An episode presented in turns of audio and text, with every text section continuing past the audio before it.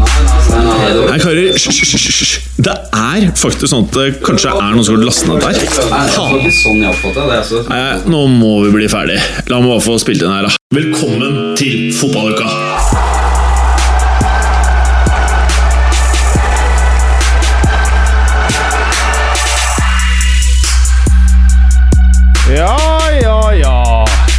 Ligaer er ferdig. Ikke noe mer Champions League. Men fotballuka er tilbake. Hva betyr nå dette? Hmm. Jo, det betyr eh, episode 109. Og vi skal prate om Jorge Mendes. Hvorfor skal vi prate om Jorge Mendes? Jo, fordi det er transfer season. Og hvem er det som eier alle spillerne i hele verden? Jo, det er Jorge Mendes. Jorge Mendes. Derfor skal vi prate om han. Eh, og vi skal jo selvfølgelig innom uh, de lagene i Premier League som vi aller helst ønsker å se store transfers imellom, og hvem som måtte trenge en god del spillere. Og med det så er fotballuka 109 i gang! Alt dette og veldig mye mer i dagens episode av Fotballuka! Yeah. Hei, Morten. Hei. Hei, du. Hei, du. Hei, du. Hei. Hva er det du har i hånda der? Jeg har en Lekkerol. Og hvilken smak? Det er kaktus. Mm. Den kom vi fram til forrige uke at var god. Ja. Eh, vi er jo da sponsa igjen av Lekkerol. Vi har en konkurranse gående. Du som lytter skal inn på Instagrammen til Fotballuka og sjekke ut konkurransebetingelsene vi snart skal igjennom. Og nå har vi passordet. Og nå har vi passordet, så vi er inne der. Eh, det vi tenkte vi skulle gjøre nå Nå er det jo så mye digge smaker med Lekkerol på bordet her.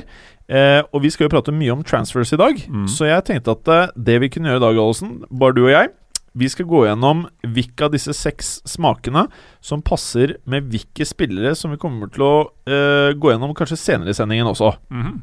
Eh, jeg ønsker å kicke off med en spiller jeg tror forlater sin nåværende klubb. Det er Gareth Bale Ja. som spiller i Real Madrid. Ja. Vi har en Lekkerol her som er Lasper Raspberry Lemongrass. Det er en rosa pakke. Ja, den er rosa, altså. Den er meget rosa. Uh, og jeg forbinder fortsatt Gareth Bale med den rosa pikeen som paparazziene tok bilde av uh, den sommeren han gikk fra England og til Spania. Mm. Uh, og jeg tror Gareth Bale kommer til å stikke til Manchester United. Så jeg håper å få sende rosa pikeen på nytt av paparazzi-fotografene. Og kanskje hva som skjuler seg under den der lille eh, hårpalmen som han har oppå huet, som vi tror er en skallaflekk. Hmm. Hva Ja. med deg, Gallosen? Nei, det er en eh, pakke som, uh, som kler eh, Gareth Bale, føler jeg. Ja, jeg vil si det. Kunne fort sett han dra den ut av lomma på en ferie hvor han også har rosa piké på seg. Ja, Og han er opptatt av sukkerfri pastiller, vet du. Mm. Jeg sitter jo her og gomler på denne kaktusen, jeg, da. Mm. Og um, en spiller som er mye i um, mediene, er jo Mohammed Salah. Fra ørkennasjonen eh, Ja. og kaktusnasjonen, vil jeg tro, eh, Egypt. Ja. Han tror jeg flytter på seg. Ja. Liverpool er nevnt. Jeg tror ikke han går dit. Jeg tror det blir en overraskelse. Oi. Aner ikke hvor, Men at han flytter på seg. men at han flytter på seg. Mm. Ja, De er gode, de der kaktusene. Ja, jeg tar en til. Ja, gjør det, du. eh, en annen Real Madrid-spiller som jeg tror kommer til å flytte på seg, det er James Rodriguez. Og da mente jeg at det var en umulighet at han ikke skulle gå til Inter Milan, som har fargene sort og blått på draktene sine. Akkurat som den eh, kartongen du driver og shaker på. Ja, Og den er meget svær, Mm. og den står det Licorice sea salt. Ja, så den er svart og blå. Og jeg tror at det kommer til å bli en meget god overgang, både for Real Madrid, som ikke kan ha en fyr som uh, har med sittende på benken. Eh, og jeg tror at et lag som skal satse såpass hardt nå fremover som eh, Inter Milan, kommer til å passe veldig bra. Mm.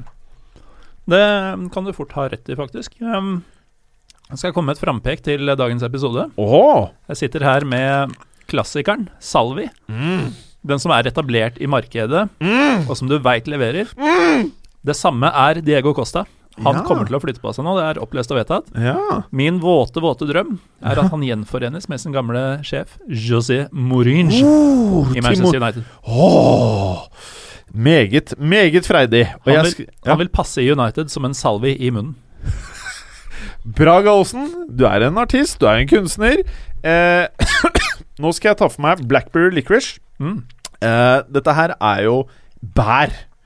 Og Blackberry licorice Det er jo ikke den mest åpenbare kombinasjonen, men den smaker utrolig godt! Den er meget frekt eh, funnet på. Ja, den er meget frekt funnet på. Eh, og noe som var meget frekt, som allerede har skjedd, det er jo Serge Gnabry til Bayern Münich. Mm. Det er ikke, det er ikke en åpenbar overgang jeg hadde sett for meg for noen måneder siden, bare. Eh, men jeg tror det kan funke veldig bra når vi ser han i Bayern München-draktene. Et overraskende partnerskap som fort kan bære frukter, eller bær, i denne sammenhengen. Veldig bra, Galsen. Skal vi ta salty caramel også, eller? Det er noe med karamell, altså jeg blander det kanskje litt med toffee, men noe med karamell som får meg til å tenke England. Ja. Av engelskmenn som kommer til å flytte på seg for altfor mye penger i sommer, Ja. så seiler Kyle Walker opp. Der har du Citys nye mislykka høyrebekk. Men pastillen er ikke mislykka. Pastillen funker. Pastillen funker. Og han den er faktisk meget god. Kyle Walker kan jo bare håpe på at han blir like god i City som det Salty Caramel er i munnen. Helt riktig. Og det vi skal gjøre på sosiale medier nå, Gallosen, eh, det er rett og slett at vi skal ta bilde av hvert vårt eh, øyeblikk i eh, overgangsvinduet, som vi da tror kommer til å slå an. Eh, og hvorfor? Altså, 'makes people talk' er slagordet til Lekkerol, så det er missionet. Så hvis du som lytter nå går inn på Fotballuka sin Instagram-konto, så kommer vi til å gjøre dette her i morgen. Eh, du kommer til å gjøre det på din private Morten Gallosen, som er Macho-Morten. Og, Stemmer. og jeg kommer til å gjøre det på min private, som er Jim Fosheim. Og vi håper at du er med på konkurransen, kjære lytter. Kjære, kjære lytter, bli med! Eh, og det du faktisk kan vinne, er eh, en kasse med Lekerol, trådløst headset, eh, og kanskje, hvis vi ikke syns at eh, eh, forslaget ditt er eh, altfor dumt, så kommer jeg til å invitere henne i studio, så vi kan prate om dette øyeblikket og møte oss i fotballuka! Og Galåsen! Ja, bli med. Morten G. Ettal. Du vet det er deg? Er det meg du snakker til? Ja. Ah, Det, det å sitte og se jeg- lenge jeg- Nei, det, ikke det, det. det fungerer veldig bra på en, hvis vi hadde hatt en YouTube. Men nå er det jo bare på øret at de, de kan jo ikke se at du stirrer på meg. Nei, som en det, sånn øksmorder. ikke sant? det kan de jo ikke. Nei, de Men, kan ikke det. Forhåpentligvis da så har alle lytterne som uh, har uh, satt på denne episoden, hørt oss før. Uh, så de skjønte jo da i så fall forvirringa som Men vi ønsker nye lyttere. Da jeg som Ja, Så de, dere der ute, hvis dere har venner hvis du, du trenger bare én venn for å gjøre dette her. Hvis du har denne ene vennen, si til han eller hun Ta oss og tune inn på fotballuka og hør på disse gutta. Det er en fin greie. Ja, tilbake til deg, Gallosen. ja hei. Uh, ja. Ja. ja. Du Det er- det er din jobb å stille spørsmålene. Du har akkurat uh, spilt inn noe annet her. ja, jeg lagde en annen podkast for litt siden. Ja, du har det! Mm. Ja. For at, eh, jeg ser jo på deg når du har vært i studio en eller to timer før fotballuka, så ser jeg det er noe mer. Du ser litt sånn dratt ut i trynet. Jeg blir litt herja av dette. Du blir litt herja, ja. Ja. Nei, I dag så har jeg en litt dårlig dag også. Det har Ja. vært eh, lang dag på jobb, og så er jeg ikke helt i vater eh, sånn eh, fysisk. Å nei. Uh, Veit ikke helt hva det er. Håper jeg ikke brygger på noe, for denne uka så skal det bli mye mye hol i kroppen. Hol. Ja, Oh, ja. ja. Det er slang for alkohol. Da. ja. For vi er jo invitert til noe til helga av deg og din person. Ja. Ja. Selvsagt takket nei, alle sammen. Alle har takket Men altså. du eh, sitter jo der da med denne Seattle Seahawks-T-skjorten hvor S-en er vaska Den Vi prater jo mye om utvasking. Den er utvaska. Den er jo vasket vekk. Mm. Ikke utvaska, den er vasket vekk. Og det er helt greit. ja. Ikke nikk, si ja. ja, nei, det er Jeg har ikke noe mot det. Ja, Så fint, da. Og med det så tror jeg vi går over til Preben. For her har vi en Gallosen som er ute her. Skal kun bruke kroppsspråk, jeg også. Ja, gjør det. Bare nikk og smil og se på meg med sånn drapsblikk. Eh, jeg ser jo du har blodårer som stikker ut av armene dine. Jeg har drukket for lite vann. Du har drukket for lite vann, ja. Vi jobber med saken nå. Ja, du har jo litt eh, sprudlevann, vil jo noen kalle det. Har det? Litt eh, champagne, er det der? mango papaya. Har ikke drukket den på flere år. Jeg må få Det er så papaya. Mm, det er så godt. Åh, det er så Det er godt på smak. Ja, veldig. Ja, det er godt på smak. Ja. Men jeg så U21-landslaget i sted. Åh, Jeg stakkars trodde jo han eh, Ødegaard var ferdig som fotballspiller. Det ikke viste det. seg at den var faktisk ganske bra. Ja, for det jeg har sett noen overskrifter på Eid. Var det, var, har du sett klipp, eller? Ja, jeg så hele. Han var Jøss. god. Fortell. Jeg har bare hørt at han eh, er helt ræva om dagen og nesten må legge opp. Men Ja. eh, han var god, altså. Til dere lyttere, bare så dette, så er det krig mellom Berger og Gallåsen. De skrur volumene opp på headseten her, så når Preben prater, så blir det meget høyt. Sorry, altså. Men eh, nei, Kosovo var jo selvfølgelig helt dritt. De har vel hatt landslag i to måneder nå, men eh, likevel. Bra. Du mener ikke at landet Kosovo er dritt, men laget Ja, til Kosovo. laget, ikke sant? selvfølgelig. Så vi ikke får noen som herjer Ja, det er sant. Det er sant. Fryktelig viktig presisering. Ja, A-landslaget så er det selvfølgelig ikke. Ja. Nettopp, nettopp. Men la- A-landslaget er vel antagelig bedre enn nor det norske, tror jeg. Kosovo? Ja, Ja. Det tror jeg faktisk det. Jeg har ingen formening om. Nei, det tror jeg ikke. Det er dritt, det landslaget også. Er det det? Men uh, potensielt uh, på sikt så, så kan det jo bli noe. Hvis du samler sammen alle diasporaene sine, så er det jo faktisk ganske mye bra eh, der, altså. Ja, Men nå begynner vel det vinduet å lukke seg, vil jeg tro. Nå har de jo hatt landslag så lenge at uh... Nå må det begynne å etableres noe her. ja. Ja, ja. Er du seriøs? Er det dårligere i Norge? Ja, det tror jeg. De tapte vel 1-4 hjemme for Tyrkia nå i helga. Ja, Men Tyrkia er ikke Tyrkia, så ræva. Ja, men det er ikke så det skal smadre et lag på deres egen hjemmebane. Jeg har Det vanskelig for å se at Norge slår noen jeg, nå om dagen. Nei, men De hadde ikke tapt 4-1 hjemme mot Tyrkia. Oh, det er ikke helt umulig. Jo, det tror jeg vi kunne gjort. Det er ikke helt umulig. Ja, kanskje. Ja, det kan skje. Eh, Berger, Mm. for den ivrige lytteren så hørte jo stemmen din nå nylig. Så du Ja. er jo også med i denne podkastepisoden. Jeg også er det. Mm. Ja, du er det. Eh, du sitter og sutter på noe som nesten er øl, men som ikke helt er øl. ja, det er helt riktig. Ja, Men det er brygget som øl. Det er brygget som en øl. Ja, Det vet jeg Eh, ingenting om, egentlig. Ja, nei, nei, nei, i hvert fall det, da, ifølge Gallosen. Ja, det står på boksen. Altså, veldig bra. Eh, og i denne episoden, eh, folkens, så skal vi, eh, i den grad man kan bruke ordet magnat, tycoon, nestor, over en eh, fotballagent, så må man jo kunne si at det er denne Jorge Mendes, sa jeg det riktig? Nei, Georgie. Georgie. Georgie. Georgie Mendes? Georgie Mendes. Å ja. ja, du sier så, å, du sier så fint. Jeg trodde du skulle si Mino Raiola. Eh, Ja, men jeg, jeg synes du, du, du, du introduserte jo Mendes her nesten som skal ha total kontroll i transfermarkedet. Det er jo um, er jo en del andre øh, agenter, og det er jo ikke, minst mange spillere, selv om han har mange av de største stjernene. Og han er jo den største eh, agenten i dag, det er vel eh, fair å si. Med god Ja, margin. altså Poenget med episoden var jo å vinkle det. Ja, ja. Ikke sant? Eh, Sånn med redaksjon ja, ja. så hadde jo vi i fotballuka liksom vinklingen om at vi skulle vinkle det som at Jorge Mendes var den største agenten. ja det er jo det. Ja. Eh, lista av spillere er jo helt, helt spinnvill. Det er kult å se forskjell på klesstilen til Mendes og Raiola. Ja, det er ganske stor forskjell. Ja. Raiola er litt sånn at eh, den der Abercrombie Fitch uh, glidelåsgenseren er sprengt ut, og så ser du bare sånn her eh, stekt løk og ketsjup nedover eh, eh, magen. Men uh, Jorge Mendes, eh, Berger. Hvem er denne fyren? Det var jo egentlig en uh, utgangspunkt gåseøyne fotballtalent fra Nord-Portugal. Han er fra like utenfor eh, Porto. Prøvde å, å slå gjennom som uh, fotballspiller, lykkes ikke helt med det. Og uh, gikk heller over til en, uh, til en karriere som DJ. Var for, først faktisk innom en kort karriere som eier av en spillbutikk, altså videospill. Litt sånn Gaming. Ja, ja. ja. Litt Tarantino. Ja, bortsett fra at det var en videobutikk, da. Ja, ja, litt sånn Tarantino. Og så DJ, og så ble han nattklubbeier, og det var her det begynte å skje. da, Ja, ikke sant? Nettopp. For her var det Porto-spillere og andre fotballspillere innom. Her- Ikke sant? Og her ble han da kjent med Nuno Espirito Santo, som mange husker bl.a. var eh, trener for Valencia for halvannet år siden. Han var trener for Porto nå. Nå har han tatt over Er det Wolves?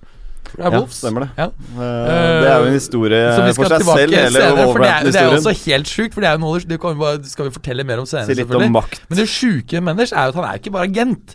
Han opererer jo på innsiden av mange klubber, og han står jo på alle sidene av bordet. Hvis et bord utgangspunktet at bord har to steder, så står han på alle fire sidene. Ja, ja. Og drar i alle trådene. Og, eh, så det er jo helt sjukt hvordan han opererer. altså Ja. Shady, men han er jævlig flink. Ja. ja. Anyway, for å fullføre det med Nuno Espirito Santo Han Det var den første avtalen han, eh, han eh, fikk gjennom av viss størrelse. Hvor han fikk eh, solgt han fra Vitoria di Guimares.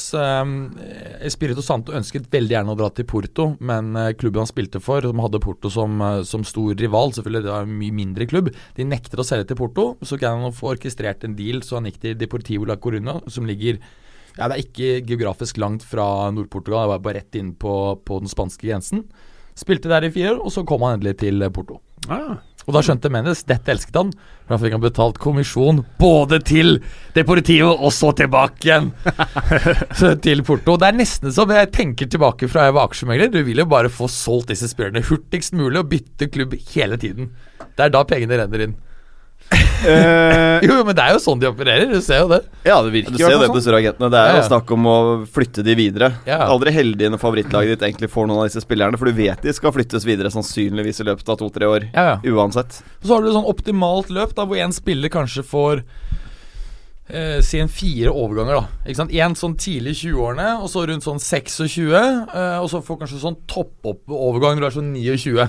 Ikke sant? Og da får du liksom Får du ja, får en opplevd litt uh, forskjellige byer og Ja. Ja. Så blir det litt ekstra kommisjon, da. Ja. Men dette med å skulle selge spillerne oftest mulig, det er jo Altså, mange agenter blir jo med rette kritisert for å uh, sette handelen i fokus, da, og ikke sine egne spillere. Altså En god agent skal jo faktisk følge opp spillerne sine og sørge for at de får den riktige karrieren. Eh, det er jo ikke tilfellet hos veldig mange, men eh, sir Alex Ferguson har faktisk omtalt uh, Menders som eh, den beste agenten han har uh, jobba med. Mm. Eh, og mente da spesielt i forbindelse med Ronaldo-overgangen, den første Ronaldo-overgangen, at eh, dette var en fyr som virkelig passa på klienten sin. Det tror jeg det er avhengig av, da, for å bli toppagent også. Du er jo nødt til å få et uh, nært forhold til spillerne dine. Men hvis du ikke passer på Cristiano Ronaldo, og du er fotballagent, så må du jo kanskje vurdere noe annet, da. Jo, men dette var en 17 år gammel Cristiano Ronaldo, da. Ja, Det- Men eh, allerede som 17-åring så var det noe spesielt der, da, gutten. Jo da, men det er, Ja. det er nok mange 17-åringer som, eh, som glipper litt igjennom eh, i det systemet der. Mm, mm. Så Ronaldo var kanskje heldig som hadde Menders. Ja, kanskje, kanskje. Eh, kan du si litt om eh, dette med hvordan agenter eh, påvirker overgangsmarkedet? Det trenger ikke nødvendigvis ha med Jorge Mendes å gjøre, men sånn generelt, hvordan vil du si at de påvirker markedet? Vi har vært litt innom det allerede, at uh, en del agenter klarer jo faktisk å komme under huden på, uh, på de store klubbene, og da sitter med alle forhandlingskortene.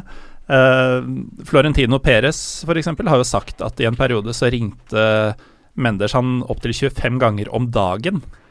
Og det er ikke noe Mendes har skrytt av for å fortelle om sin iherdighet, dette er eh, Florentino Perez som sier.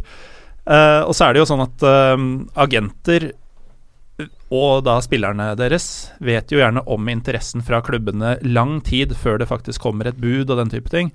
Gjerne at, fansen også om dagen. Ja, ehm, og de vil jo da ha god tid til å forberede spilleren på hvordan han skal fremstå når klubbene tar kontakt. Eh, sånn at eh, Det er jo grunnen til at sånne Balotelli-typer blir solgt om igjen og om igjen. Mm. At eh, de blir jo eh, nesten som, som advokater forbereder vitner til en stor sak. Ikke sant? De bare drilles i disse samtalene om igjen og om igjen. Eh, og så har du jo andre litt sånn shady greier, da. At du kan ta i bruk andre forretningsforbindelser. Uh, Mendes igjen inngikk bl.a. en samarbeidsavtale med Wolverhamptons eiere, eller en subgruppe av Wolverhamptons eiere, var det vel, i sin tid. Og plutselig ble to av spillerne hans henta til dem. Eh, BB uh, ble jo kjøpt usett av Alex Ferguson fordi Mendes gikk god for han. Uh, og sånne historier er det mye av, da. Og når, når du nevnte Menders Mendes og, Madrid, så hadde vel faktisk Menders Mendes eget kontor på, på eh, Valdebebas. Jeg antar det er der administrasjonen sitter, altså ved treningskomplekset. Eh, Da prater vi om i Madrid, Madrid, ja, da, i de årene Mourinho var der, eh, fordi han var så sentral i rekruttering av spillere. som er det sykeste anlegget i verden, som et resultat av at de solgte en liten sånn flekk eh, med jord Ja. til staten. Men sånne Ja. ting eh, er jo faktisk eh, det, høres jo helt sjukt ut, men tenker du litt over det Altså, stallen til Menders, f.eks. Altså, en klubbdirektør, en klubbpresident, managere, de har ikke råd til å ikke please disse gutta. For da kan du bare glemme å få kjøpt halvparten av de største navnene som er på markedet i løpet av en sommer. Eh, sånn sett så er det et veldig lurt trekk av Real Madrid å holde den så tett, for da har de om ikke kontroll på ting, så er det i hvert fall tilgang til eh, hva de igjen måtte ønske. Ja, Og vi kan jo skyte inn i og med at Jorgi Mendes Jorgi Georgi Mendes liksom er kanskje øverst på lista til uh, sir Ferguson, så var det en annen som var nederst på lista til sir Alex, en fyr vi allerede har nevnt. Han med ketsjupstripa på magen. Fordi det ryktes om at det er en av grunnene til at uh, Pogba gikk gratis og kom tilbake for en milliard. Det var pga. Mino Reola at Ferguson rett og slett ikke orket feite trynet hans inn på kontoret. Mm. Uh, ja, avbrøt jeg deg nå, eller var vi good? Nei, altså det er jo fordeler og ulemper eh, med agentdriften, da, men som vi var så vidt innom, så La oss si at en, eh, en god agent uh, skal følge en spiller som har en karriere som varer i ca. 15 år. Uh, og da skal han jo helst eh, planlegge en uh, suksessrik eh, karrierevei. Eh, han skal eh, passe på finansene til spilleren. eh, prøve å holde han unna disse gambling- og alkoholtingene, de Paul Gascoigne-tingene, rett og slett. Og gjerne holde ved like et image som gjør at han er attraktiv å selge videre, og, og kan få sponsoravtaler og sånne ting. Det er jo idealet, og det virker det som om Menders til en viss grad uh, får til. Han har jo en enorm stall, så det er jo ikke bare han, selvfølgelig. Han har jo dette firmaet sitt, som, uh, og veldig mange undersåtter. Men det mer vanlige hos agenter er vel kanskje at de, som vi også har vært inne på, skal selge spilleren så ofte som mulig gjennom karrieren for å få disse provisjonene sine. Helst til høystbydende, som gjør at uh, litt sånn, skal vi si, mindre hjernebegavede spillere fort ender opp i Kina i stedet for uh, Paris, f.eks. For Fordi der er det noe mer penger å hente for agenten. Ja, f.eks. Uh, Haxon uh, Martinez. Transferen som vi alle husker. Ja, der så det jo ganske tydelig ut at han først skjønte hva han hadde gjort eh, da han sto og poserte med drakta. Mm. eh, men positive ting, altså Fabio Contrao. Eh, inntil Mendes uh, overtalte ham om at han kunne faktisk bli noe helt stort. Og det var han jo i en tid, kanskje ikke nå lenger, men han har jo spilt for Real Madrid og det portugisiske landslaget. Det var et tidspunkt da han var meget, meget god. Helt enig. Men da han uh, surra rundt i Rio Ave, tror jeg det var, så var planen hans å spille der en stund, og så skulle han bli sjømann. Mm. Ja, ja, altså til? Ja, ja. Han har, til, han har til og med sagt uh, helt klart at hvis ikke det hadde vært for Altså Eneste grunn til at jeg er fotballspiller og ikke er sjømann, er uh, Georgie Mendes. Er det sant? Ja, ja. Han lager karrierer. Det er det som er så Det forklarer uh, sigarettbruken til Cointrao. Ja, ikke sant? Ja, ikke sant? Men, men det forklarer også litt det eh, med at Ferguson var positiv til han. Det at han faktisk er flink til å få de som er under han, til å yte maksimalt og få mest ut av seg selv. Mm. Og Det er sikkert også derfor han og Ronaldo har kommet så godt overens, fordi det på en måte er en sånn grunnholdning de begge to har. da Så det er, eh, det er pros and cons ved dette, men eh, gjøres det riktig, så, så kan en, eh, selv en slesk jævel av en agent, som det Menders er, være en veldig positiv bidragsyter for veldig mange spillere. Og de har jo en voldsom påvirkningskraft, spesielt på de unge gutta som ikke helt veit åssen dette funker. Har du riktig agent der, så betyr det alt for karrieren. Men hvis man snur litt på det nå, for nå prater vi med vinkling til, fra spillerens perspektiv, da. Hva med vinkling fra klubbens perspektiv? Hva tenker vi om agenter da? Deres rolle? tenker jeg på forskjellige nivåer her. da Du har de superagentene, det er én ting. Men så har du agenter som gjør en viktig jobb for å faktisk forsyne klubber med spillere de ikke har peiling på. Altså Som sitter nede i Afrika, Sør-Amerika Altså eh, Ja. De, de hjelper rett og slett klubber med, med å, å finne talenter, i, i mange tilfeller også. Så, Og i disse tilfellene så er det jo ofte spillere som hjelpes også. Dette er jo Ja, definitivt. Altså i Afrika og Sør-Amerika spesielt, kanskje. Fattige folk fra fattige landsbyer og den type ting som bare håper å bli oppdaga. Og akkurat disse gutta er jo de som, eh, som redder eh, både disses og familienes eh, økonomiske liv, i hvert fall. For eh, det, det som kanskje noen ganger eh, føles da som fotballtilskuer da, eh, i det fjerne, når man leser på nettsider og får med seg transfers, så føles det kanskje som at agenter er den store, stygge ulven. At de liksom pusher opp prisene når du hører eh, Ikke for å bevege oss vekk fra Mendes, men når du hører om Raiola som sitter igjen med 25-35% av totalsummen til Paul Pogba, så høres jo dette ut som uh, tyveri, nesten. Det høres, det høres ut som er det er iallfall urimelig mye. Da. Det er vanskelig å argumentere for at det skal være At jeg er på en måte en fair uh, Jeg, jeg synes, del av summen. jeg syns i alle fall da at det forsvinner 35 millioner euro ut av fotballmarkedet Mm. uh, som ikke tilfaller noen klubb. Som Ja, er tilfaller en person som ikke spiller fotball. Ja, og som, ja, og, som ikke spiller fotball selv. Det er helt Ja, sykt. Det, Mm. det mener jeg at du tar ut masse økonomi fra fotballen til noen enkeltpersoner. Det, det må jo ha en negativ virkning på fotball, Det- på, altså, et, på en eller annen måte. Jeg skjønner hva du mener på, på, på, en, eh, på et vis. Samtidig så klart har du situasjonen f.eks. Altså nå i, i Europa og de fleste steder i verden så er jo tredjepartseierskap, dvs. Si at, en, at ikke det er en klubb, men en tredjeperson, enten det er et investeringsselskap, agent osv., som går inn og eier en del av En statsminister i et land, f.eks. hvem som helst, eier um, deler av spillerens økonomiske um, rettigheter, eller hva skal vi si. Og, um, og, uh, dette er jo nå da forbudt uh, stort sett alle steder, mens i Sør-Amerika så er det fortsatt ganske viktig. Årsaken til det er at um, klubbene har jo ikke penger til å betale for uh, spillerutvikling og lønninger osv. Og, så og da kommer heller da en, en forretningsmann eller et selskap inn og, og betaler den satsingen mot å få en del da spillerens uh, av kontraktens verdi. Så ja. det er ikke alltid nødvendigvis uh, så ille, tror jeg. Altså. Det, er, det er litt både òg. Ja, eller no, det blir litt uh, på siden igjen, da. For at uh, det man prater om her, er jo at f.eks. Manchester United-fans eh, eh, Mange har rett og slett ikke råd til å stikke på Old Trafford og kjøpe sesongkort om dagen. Og så har du da et par mennesker som bare drar ut mer enn totale stadioninntekten over et halvt år, eller hva faen er det de sitter igjen med der.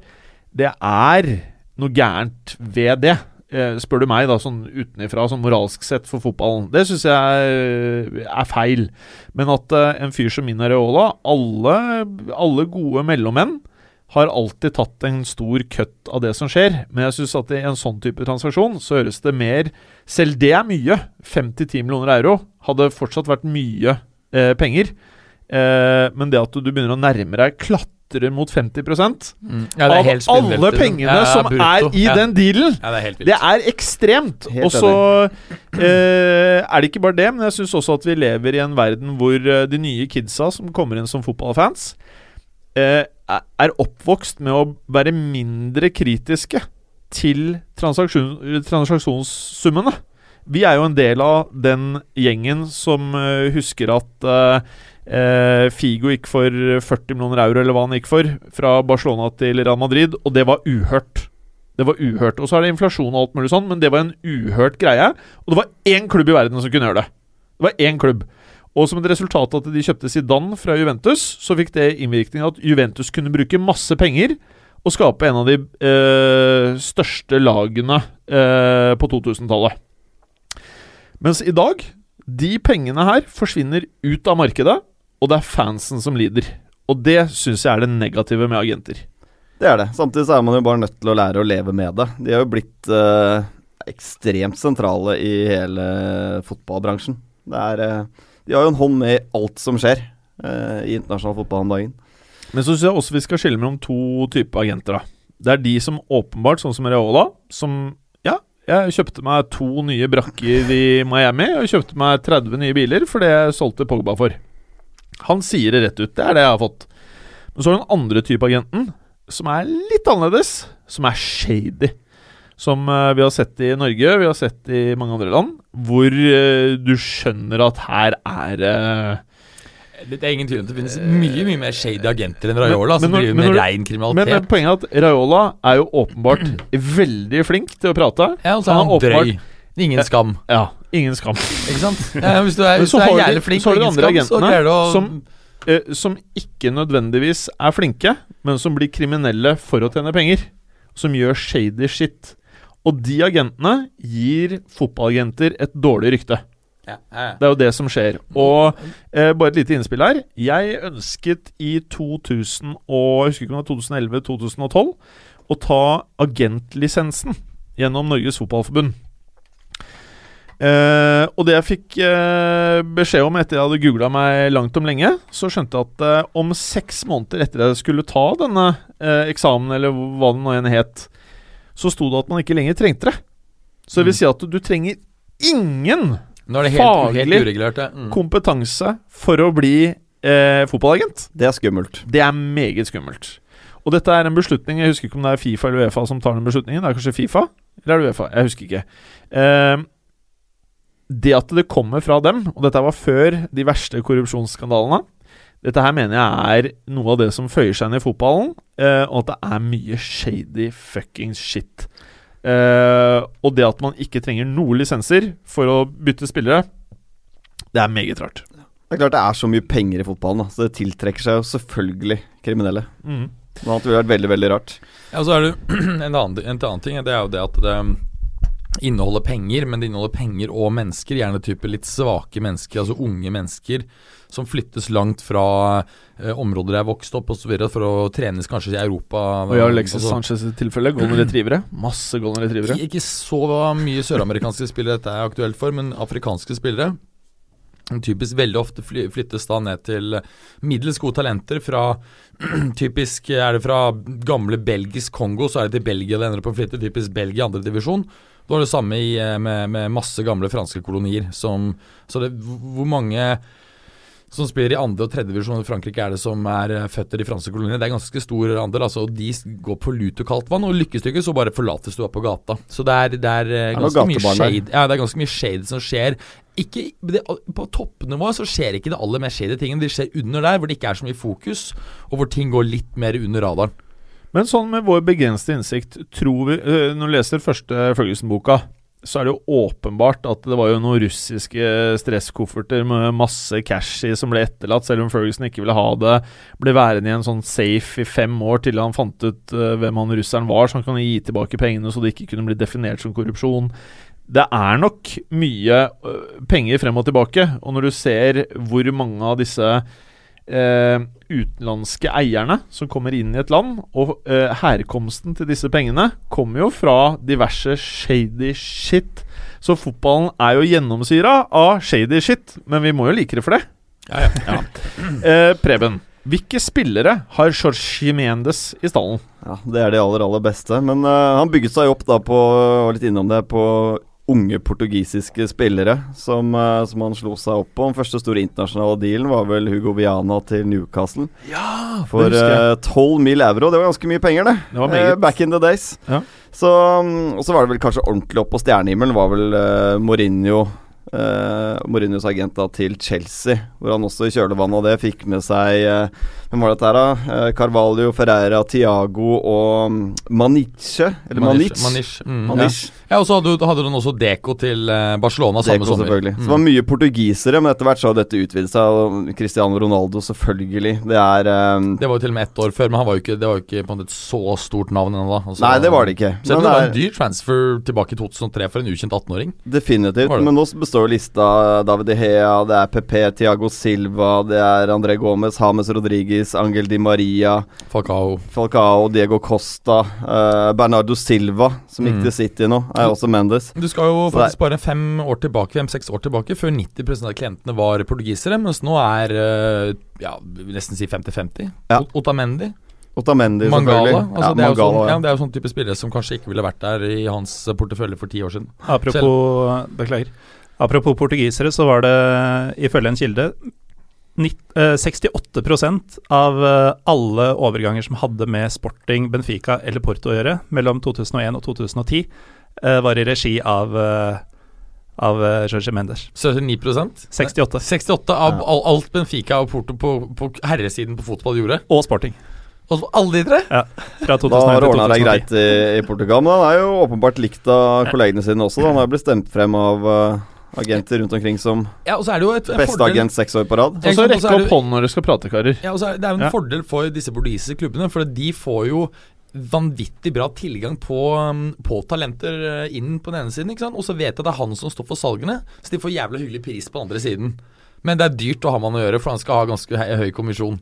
Ikke sant? Men du, men du ser jo også det, for hvis du hadde vært et ungt talent i Bahia i Nord-Brasil, og så hadde han kommet og sagt at du, jeg vil at du skal være klienten min, at du skal være med nå til Portugal, nå skal du signere for Benfica, og så skal jeg ta deg videre sånn og sånn og sånn senere. Da hadde ikke du sagt nei. Du hopper på det. Du hopper på det. ikke sant? Så, så det er jo noe med det også at uh, han har greid å få til en struktur hvor egentlig alle som er involvert, tjener på det.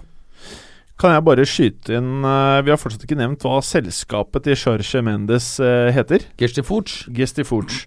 Og jeg anbefaler alle som ikke har vært på gestiforge.com, å stikke på gestiforge.com, og så trykker du på menyen, så trykker du på der det står Jorge Mendes. Og der kommer du inn på et bilde av, gå av en fyr som er altså så tæna og fæl. Og han er sikkert jævlig fornøyd. Jeg ser, Og har- ser for meg han smiler. Har en, ja, om han gjør! Med en klokke som er nesten like stor som hånda hans, med bare diamanter. Ja, det er en ganske dekkende beskrivelse når du nå viser meg bildet. Han ser ut som en så selger, for å si det sånn. Han ser så fornøyd ut, Altså, liksom. han ser ut som en sånn bland... Ansiktsuttrykket er bare Shit, hvordan skjedde det her, liksom? Det er det Jeg jobbet jo liksom. egentlig på pub! Og så tenker han Fotballspillerne de har jo en fet karriere, men varer bare 15 år. Jeg har gjort det her i 20, og jeg kan gjøre det i 30-40 år til! Det er jeg tenker. Han giftet seg for bare to år siden. La meg si det sånn, Jeg tror det var noen år yngre enn han. Men husker du det. Det var da Ronaldo var forlover og ga han en øy i uh, bryllupsgave. Da skjønner du. ja, ja.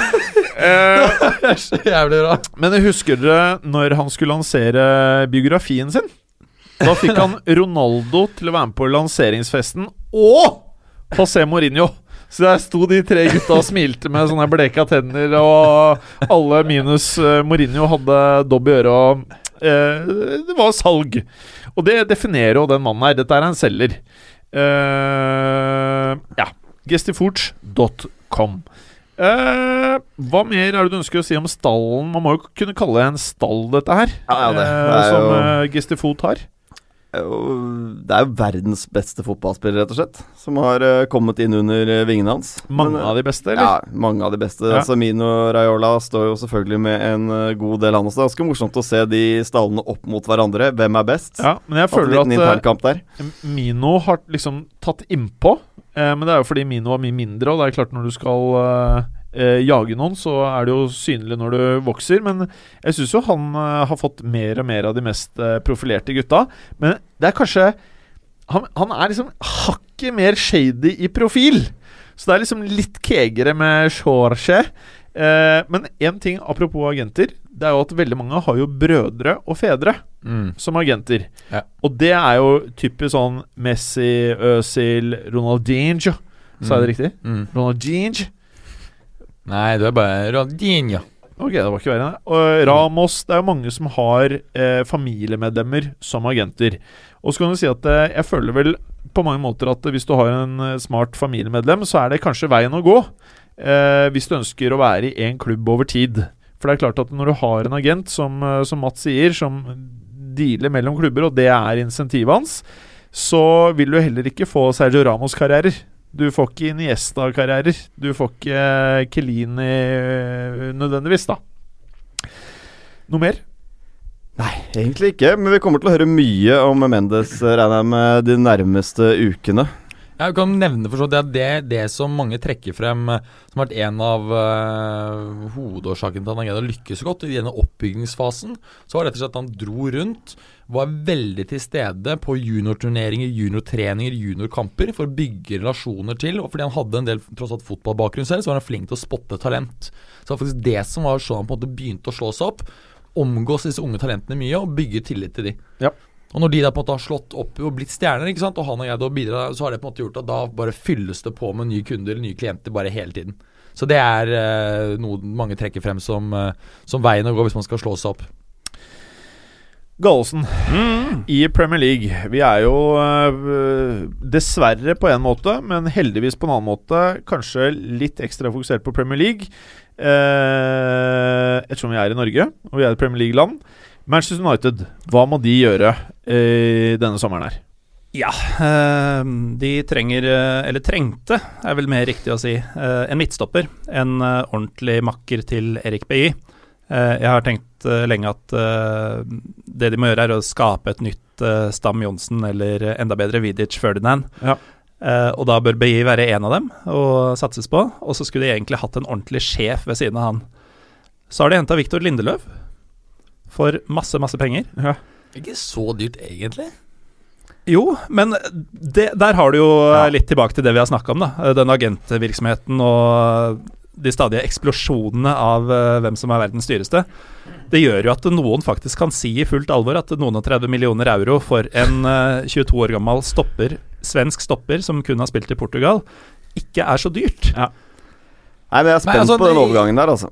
Nå, nå, altså, med de siste Rekk opp hånden og Ja, ja. ja. Men de siste summene som, som angivelig er nevnt, er det jo ikke alltid at summene er riktige før de osv., men det nevnes altså potensielt 70 millioner pund for han eh, van Dijk. Da er dette her dirt fucking cheap. Nettopp. Og Det er en, det er det det er en tredjedel altså, av eh, prisen. Det er jo det absurde virkelighetsbildet vi har å forholde oss til uh, i dag. Så i forhold til hva de kunne endt opp med å betale for van Dijk f.eks., så er det et uh, potensielt røverkjøp, men det er jo fortsatt 300 millioner kroner. Men det som er det absurde i dag, er at eh, veldig ofte så virker det som at spillerne som kommer fra antatt mindre klubber, har en høyere eh, verdivurdering enn Altså, eh, han er prisa Eller van Dijk er prisa mer enn noen stopper i Barcelona, Real Madrid, kanskje til og med Juventus. Ja, prises pris så fem-seks eh, millioner pund over Bonucci, som jeg tror kanskje det er mulig å riste løs. Og, og det er, Dette er også noe nytt i fotballverden At eh, det virker som at småklubben, sånn som Monaco eh, Jeg ble nesten litt overrasket over at Bernardo Silva, Silva ikke kosta 80 mi- Altså, Enig, det var sånn jeg var. Altså, Ja, men det er sånn det har blitt. ja, en sånn liten klubb eh, som bare kan holde igjen. Fordi de store klubbene Er det fordi at de store klubbene får panikk for at en annen stor klubb skal komme før de? Er det det som skjer? Hva er det som skjer? Det Jeg er, det skjønner er ikke. kombinasjonen at du Hvis det er bare tre-fire virkelig superspillere, så vet du hvis du greier å sikre deg dem, så greier du også da å, å sikre også at en av rivalene ikke får den. Så du får både effekten av at du tross alt får kvaliteten, men du sikrer også at uh, konkurrenten ikke får den. Men allikevel, hvis du vet at Hames Rodriguez skal av gårde, så skulle Hvis Hames Rodriguez hadde vært nå i Monaco, som han en gang var, så skulle jo ifølge den teorien vi prater om nå, så skulle han nå Skulle det vært tre-fire klubber som kjempet om han, og budene skulle bare hagla inn.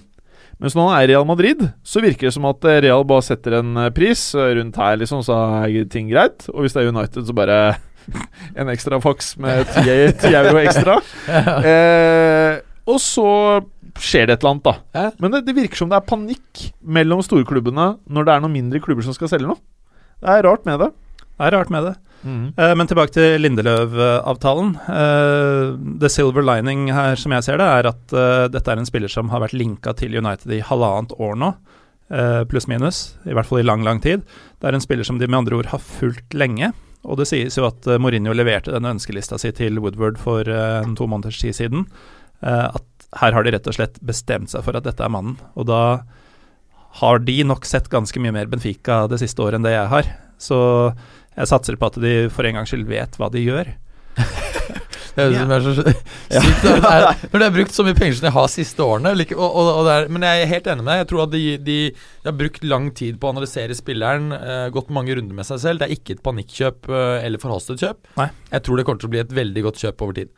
Det, og dersom det klaffer, så har du jo et potensielt knallbra stopperpar i fem til ti år framover, da. Helt til eh, Real Madrid kommer bankende på døra for dem.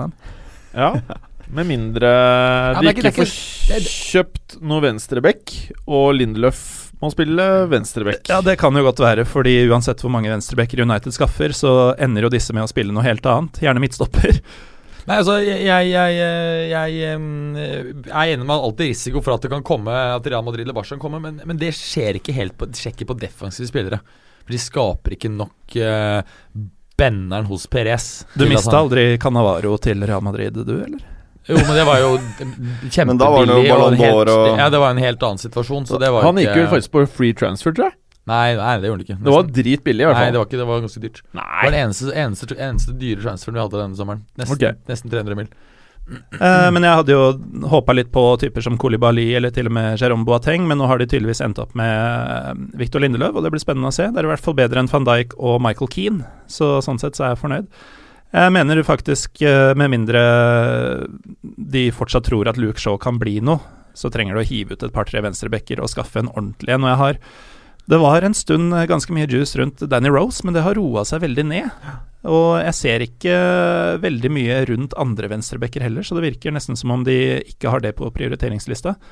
Uh, ellers er det mye av det samme som har gått igjen de siste ukene. Det siste er vel at eh, Fabinho, uh, og dette er jo en drømmeovergang, fordi der skoen virkelig trykker, er jo i Carrick-posisjonen. En som kan stabilisere midtbanen og frigjøre Pogbas krefter framover, og for så vidt bakover.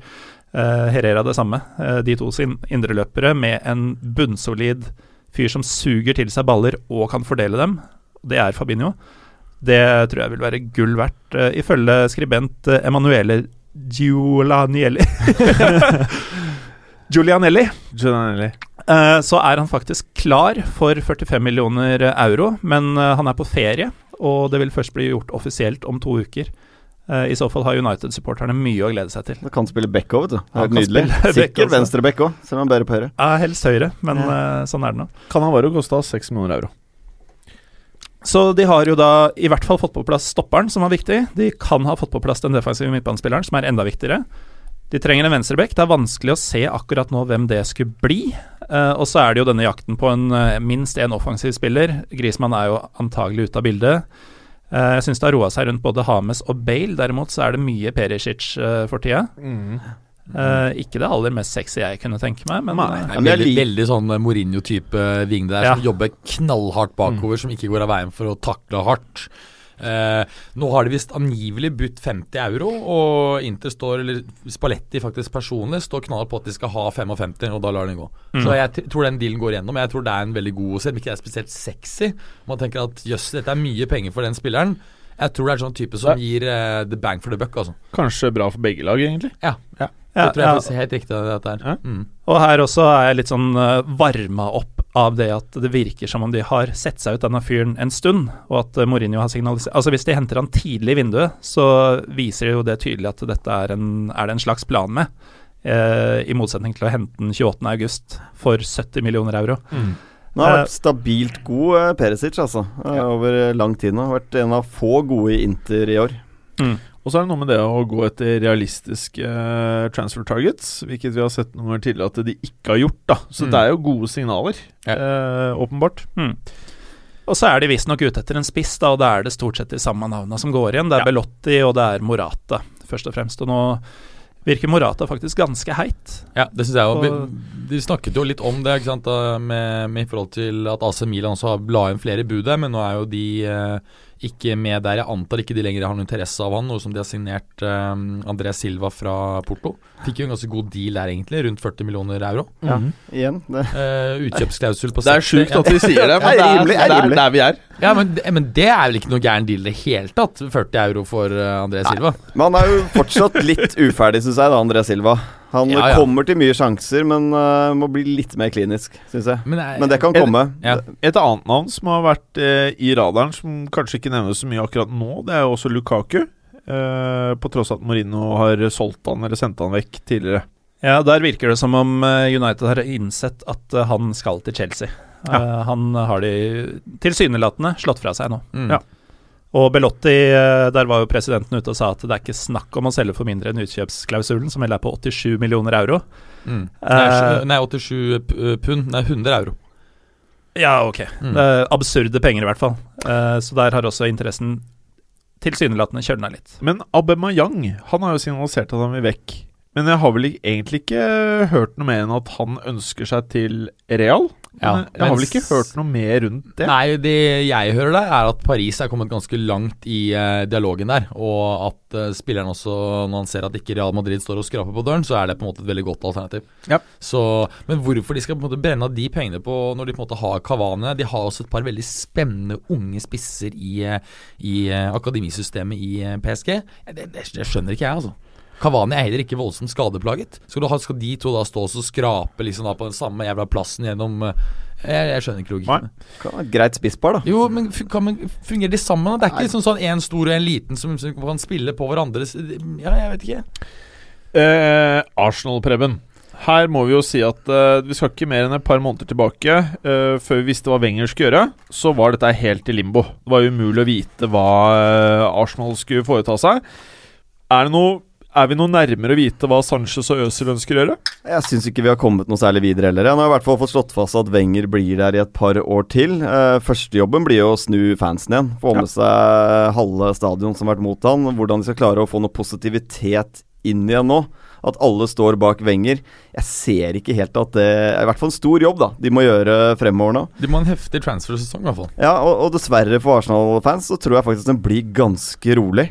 Ehm, det virker nesten sånn. eh, I hvert fall ikke noen sånn høyprofilerte signeringer. Det snakkes litt om Lacassette fortsatt.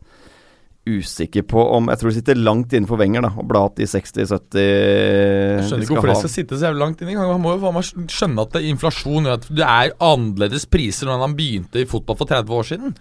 Altså, De burde jo det, eh, og de har jo penger til det. Det er en rik Ja. klubb, og, men først og fremst så må de få avklart uh, Sanchez-Özil-situasjonen. jeg tror Sanchez stikker. ja, det, virker det blir veldig- omvendt av det de burde vel. Fordi de burde få ut han der Øzil, og Ja. så blir det holde han Sanchez. Ja, men Sanchez tror jeg nesten blir umulig å få han til å spille Europaliga neste år. Det, det lukter jo veldig City, City. eller Bayern av dette her. Enig. En av, en av to der.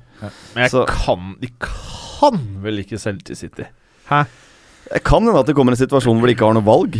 At de må nesten selge til City. Ja, etter at Bayern kjøpte Gnabry, som for så vidt er tidligere Arsenal-spiller, så skal de angivelig ikke være interessert i Sanchez lenger.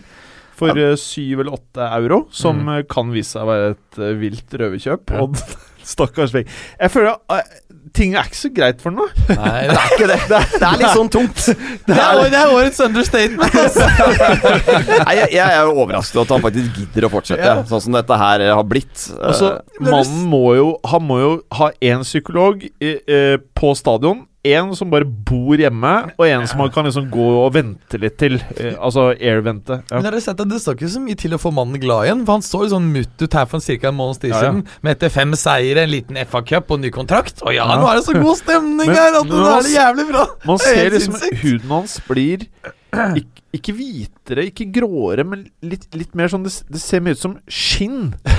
Det ser Er det ikke sånn skinnet som på bak stolen til Gallosen? ja, litt, Litt sånn semska. ja, litt, Det er sånn hardt skinn i trynet hans, og håret blir grå. Det er ikke grått, det er hvitt. Mannen er sliten. Nei, er nå han smiler han, nei, nå smiler han virkelig glad igjen. Også, han har sånn minus-BMI på 20 eller noe sånt. Mannen er ferdig Han ser helt ferdig ut. Han må gjøre noe annet.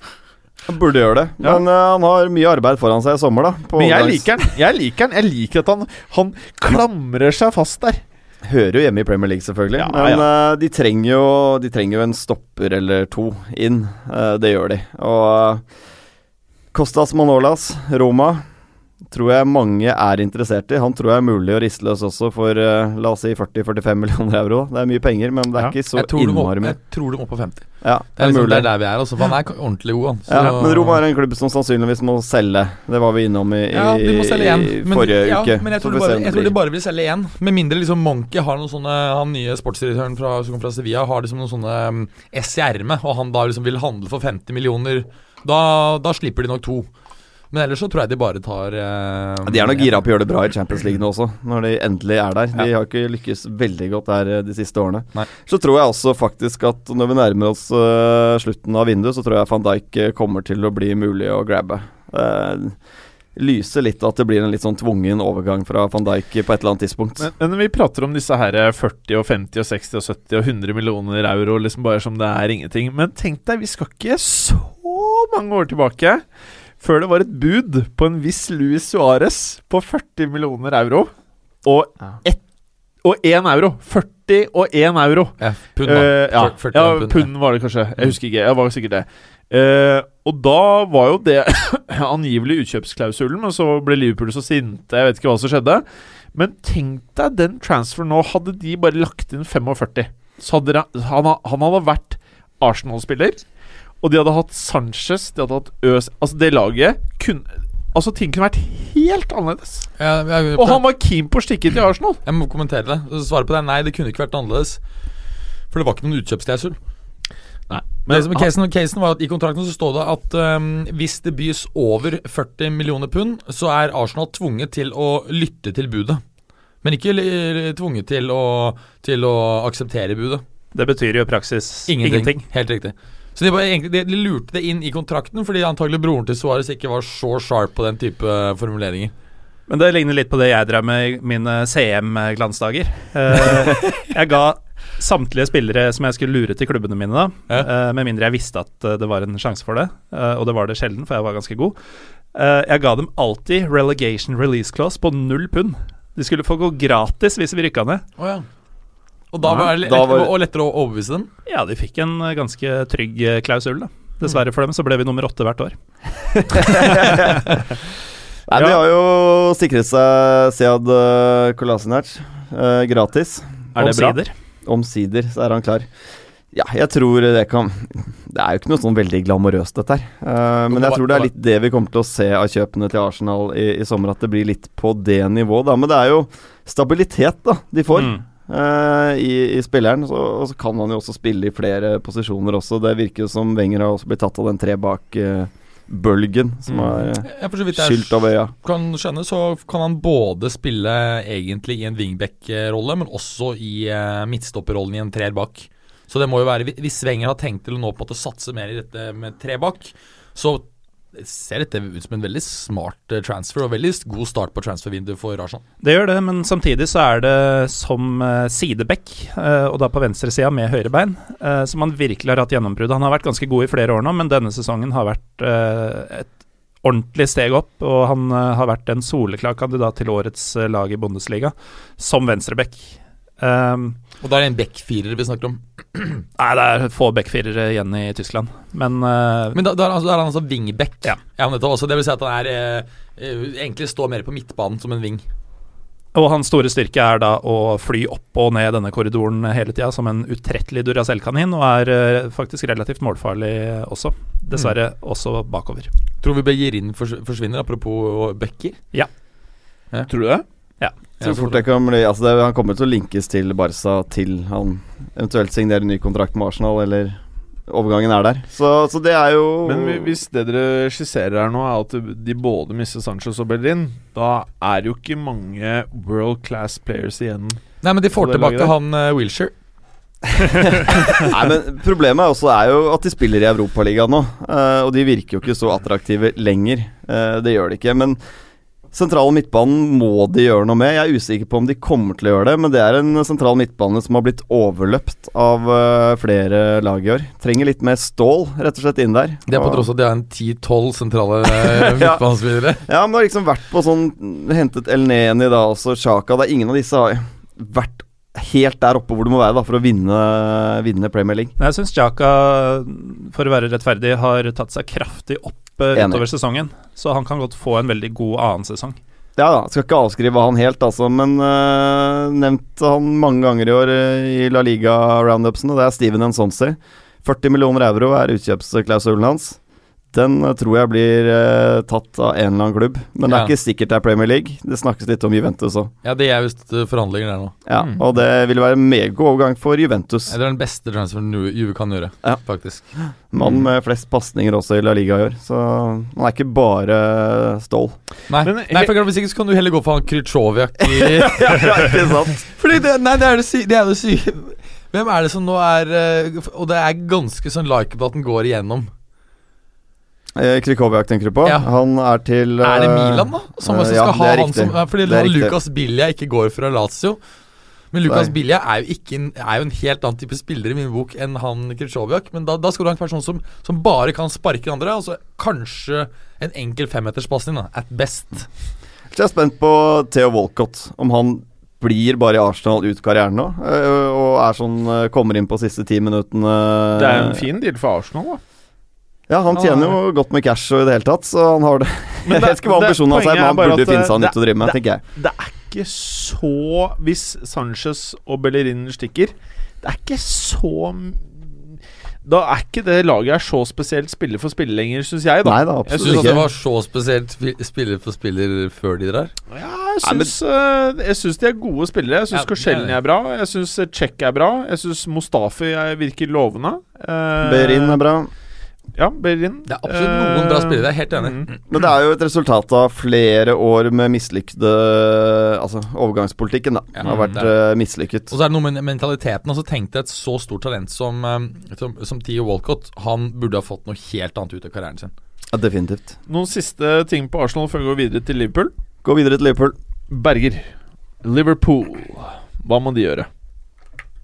Eh, nei, altså Liverpool er jo eh, linket bl.a. til eh, Virgil van Dijk, som vi har snakket om. Nå har jo det gått uh, rett til uh, Rett til helvete. Uh, situasjonen der altså Nå, nå var jo mye som tyder på at han kom til å, å gå dit, ikke sant. Og rundt 50 millioner pund. Så var situasjonen at han har hatt et møte med Klopp. Det er jo ikke lov å og uh, ta kontakt med, med andre klubbers spillere uten at du har fått tillatelse til det. Det gis jo ofte tillatelse, så antagelig ville jo Liverpool ganske raskt ha kunne fått tillatelse. Når dette da har blitt lekket i pressen, så har Southampton da følt seg tvunget til å melde dette til FA. Normalt så ville de antagelig ikke brutt seg, men, men de, hvis ikke de melder det når dette kommer ut i media, så ser de ut som idioter. Så Liverpool har jo skutt seg selv i foten. Den spilleren som både ville til dem, og som antagelig ville vært perfekt, den ser ut til å være litt sånn out of reach. Liverpool sier at uh, de har nå endt all interesse i spilleren. Hvis vi trekker en liten uh, parallell til da Thiago Silva skulle gå fra Milan til PSG for noen år tilbake, da hadde du en litt lignende situasjon. Forskjellen var at PSG sa at vi har for nå endt vår interesse i spilleren, og så kom interessen tilbake etter noen uker. Men her, eh, her spørs det om det kommer til å skje. Altså Jeg håper jo for Liverpool sin del, for det tror jeg er veldig riktig eh, kjøp. Mm. Hvis ikke de får til den, så tror jeg de må ta prøve seg på han Stefan de Vri fra Lazio. Eh, like gammel, nederlandsk. Um, men du får den for 30, da, og ikke 50 euro. Eller 60 euro. Nei, Det virker vanskelig for de å gå etter van Dijk nå. Den ser jo helt død ut. Ja, det, det, det. Eh, etter at, det er veldig spesielt Og det er første gang man har sett en pressemelding på dette her, eh, egentlig. Fra Mm. de store klubbene, i hvert fall.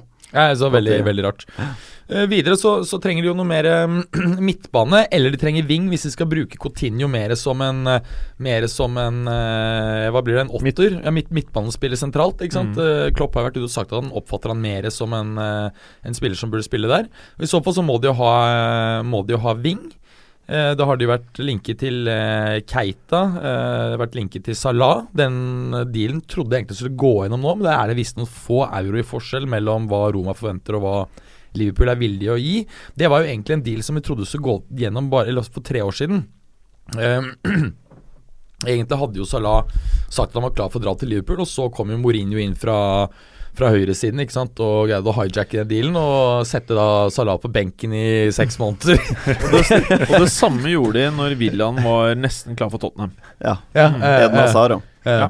De bare jeg, jeg, jeg hater Mourinho så jævlig, ass. Jeg digger den.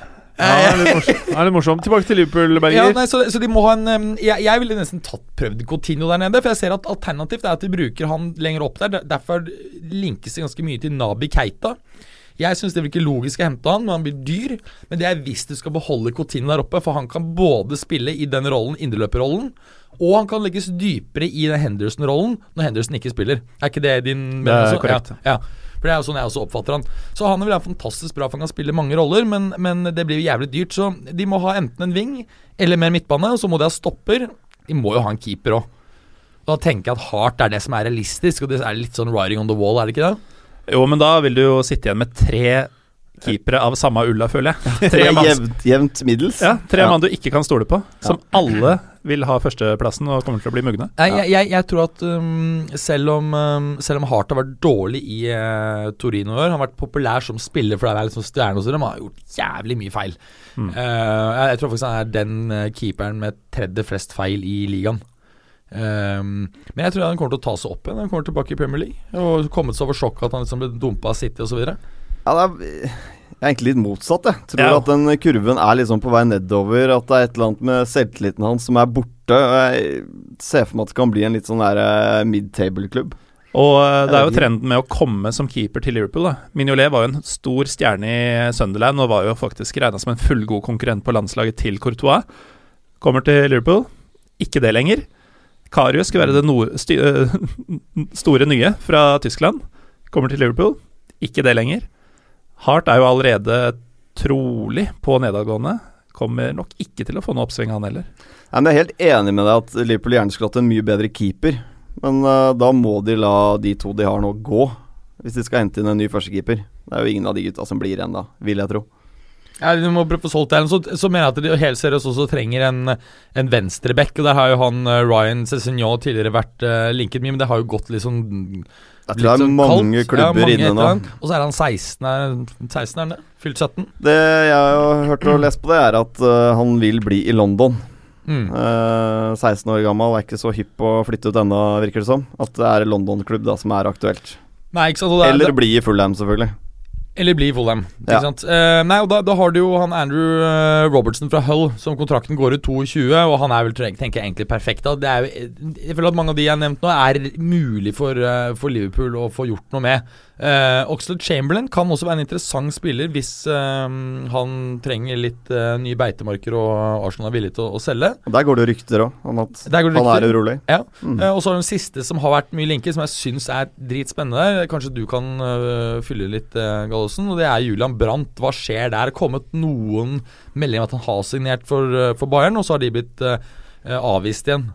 Ja, det er vel uh, egentlig ganske greit oppsummert, det. Det er uh, veldig få, tror jeg, som vet hva som skjer med Julian Brandt. Uh, det var skrevet i stein at den skulle til Bayern, trodde alle. Så har, de, har det liksom bare dødd ut, og så henta de Gnabry, som vi var inne på tidligere, og de er jo Jeg tror ikke de er noe mindre interessert i Alexis Sanchez som følge av det. Det er ganske vilt å ikke hente en av de beste spillerne i verden i den posisjonen fordi du har henta Serge Gnabry, som har hatt to tredjedels eh, dritgod sesong i Bundesliga. Vi skal Mm. huske på en liten sånn kobling her med Luis Suárez. En av tingene som eh, faktisk Liverpool eh, ønsket seg før Sanchez gikk til Arsenal, var jo Alexis Sanchez. Det var jo han som skulle være erstatteren til eh, Luis Suárez en gang i tiden. Og eh, Alexis Sanchez var jo egentlig sånn Ja, ok. Og så kom Arsenal, da, og så ble det jo det som ble dealen. Men eh, Men jeg kan nevne men, Ja. i forhold til med vingen i Bayern, så, så er det en viss sjanse for at um, Nettopp det du nevner, at, det at Gnabry har kommet, det betyr ikke nødvendigvis at ikke Alexis kommer. Det, det tenker akkurat det også, fordi at Costa kommer ikke han til å forsvinne derfra. Så de måtte uansett ta en, eh, inn en ekstra mann der. Kanskje. Eh, Liverpool skal jo spille muligens Champions League. Eh, de spillerne vi prater om nå, Mm. dette her Jeg føler vel kanskje ikke at eh, Selv om alle disse spillerne kommer inn, da, som vi prater om her Jeg føler vel fortsatt ikke at det lukter et Liverpool-lag som eh, kan gjøre en skikkelig effort på alle fronter til neste sesong. Nei, nei, stallen virker for tynn til å på en måte komme dypt inn i Men hva må de gjøre? Altså, jeg, jeg, Hvis de henter disse, en, en del av disse eh, nevnt her, så føler jeg at førsteelveren da blir ordentlig knallbra, og du, da, og du har liksom noe på benken. Men det er fortsatt en himla lang vei å gå til Real Madrids tall, da, hvor du har to komplette verdensklasseelvere. Så det er jo svaret på det. er Flere, flere spillere og gode spillere. Ja, de vil slite med å, å balansere Champions League Mm. og, og ligaspill. Det, det vil de jo kjenne på. Det, men det vil jo Chelsea også å kjenne mer på neste år, selv om jeg tror de er bedre rusta til dette her. Gallosen, Manchester City Det er vel fair å si at det er de av eh, de store klubbene i England som har kommet best i gang. Eller hva er best? Jeg vet ikke hva som er best eller verst. Eller i hvert fall burna mest cash. Eh, og det har vi jo sett tidligere sommer òg, at de er tidlig ute. Så i motsetning til når vi prata om Manchester United, hvor eh, de nå er tidlig på ballen, at det er bra for United, eller er ok signaler, så har det ikke alltid føltes ut som det er ok signaler at City er tidlig på banen og bruker Og de bruker alltid mellom sånn 37,5 millioner euro og 55 millioner euro, og så lander de sånne spillere som er sånn Ja, dette kan bli ok. Det er akkurat sånn all, Alle transferfine er akkurat mellom der. Sånn, ikke, det er ikke sånn record-breaking, men det er heller aldri noe i nærheten av rimelig. Men, men de, bare, de bare lander de de skal ha. ja, ja. Og så av og til så går de nuts og henter en sånn Mangala, hvor det er noen som bare Nå må vi bare få Vi orker ikke, vi bare Panikk. henter den. Ja. Ja, eh, men eh, nå regner jeg med at du sikter til Ederson og Bernardo Silva. Og hvis vi skal følge Berger-logikken fra tidligere i dag, da, eh, så er da den eh, rapporterte summen på 43 millioner euro på Silva potensielt røverkjøp, faktisk. Hvis noen og 30 for Victor Lindeløf er det samme, så må virkelig 10 millioner ekstra for Bernardo være være noe tilsvarende. Det som er litt rart med den overgangen, er jo at de har jo 1000 spillere i den posisjonen, eller i, i det området av banen, fra før. Uh, og i tillegg så linkes det jo til Alexis Sanchez, så det virker som Altså, nå drar jo Navas, men uh, det gjør liksom ingenting til eller fra. Og. Nolito. Ja, uh, men du har jo Du har fortsatt den andre Silva, du har De Bruyne, du har Stirling, uh, i tillegg til nå Bernardo Silva og eventuelt Alexis Sanchez. Så um, de fyller jo bra opp i den treeren bak eh, Aguero og Jesus. Kanskje han skal spille med syv på midten eller noe? Finne en eller annen ny revolusjonerende taktikk? Det ville jo ikke vært uh, utenkelig fra Guardiolas uh, side. Men jeg har trua på Bernardo. jeg. Tror han blir en forsterkning. Jeg er uh, voldsomt imponert over det han har vist, både i ligaen og spesielt i Champions League uh, denne sesongen. Han har vist at han uh, kan levere på høyeste nivå. Og han er ung, og han er i Mendes-stallen, og Mendes kødder ikke. Det har vi vel etablert. Uh, Ederson er en uh, Han har jo aldri spilt på et høyere nivå enn portugisisk liga, da, bortsett fra når han har spilt uh, kamper i Europa. Det er fryktelig mye penger. Det er vel avhengig av hvilken kurs eller hvilken valuta du bruker, så er han den dyreste eller nest dyreste keeperen i verdenshistorien. Ja. Det er en ganske tung bør å aksle. når det er sagt, så er han drømmekeeperen for for Guardiola, for du har både en som faktisk ruver i feltet og er strålende på strek, men som også kan spille fotball med beina. Mm. Så du har liksom kombinasjonen av det beste fra Bravo og Heart. Mm. Uh, forhåpentligvis da Forhåpentligvis da uten brølerne. Ja. Så igjen, altså Med United så brukte jeg det som et argument at de hentes tidlig. Uh, som et tegn på at de har gjort leksa si. Jeg er ikke fullt så sikker på at det er tilfellet her. Og så er det noe med eh, selv, De kommer sikkert til å hente masse mer spillere, men når jeg liksom ser de spillerne som er i Manchester City, og det som kommer inn Det er så langt unna det Barcelona-laget og det Bayern München-laget som Guardiola har hatt, at eh, jeg, jeg, jeg tror nok at det må ganske mye syke transfers til før dette her begynner å balanseres ut. For vi skal huske på at Eh, en av de beste spillerne han har, det er Gondogan, som er skada store deler av sesongen. Mm. Og så har han blitt venn med Yaya Touré, han har fått et ettårskontrakt. Eh, men allikevel, det er Det er noe med dette laget som det virker ikke helt sånn Guardiola-ish. Det sier også litt hva Guardiola egentlig tenker når han har blitt venn med Yaya gitt han én ny et, et, et, et år. Altså. Desperat. Det, ja, det er sånn Shit, det her er mye vanskeligere. Gutta er mye, mye dårligere grunnleggende enn det jeg trodde. liksom Jeg må bare få han jævla Yaya til å bli ett år til. Ja, ja. Det, kan, det, er helt umulig å se for seg at ikke det er, det er grunnen, altså. Til de som hører på, så jeg regner med at det kom tydelig gjennom i mikrofonen, men Berger så like ond og skadefrydende ut som han eh, låt da han starta det resonnementet der.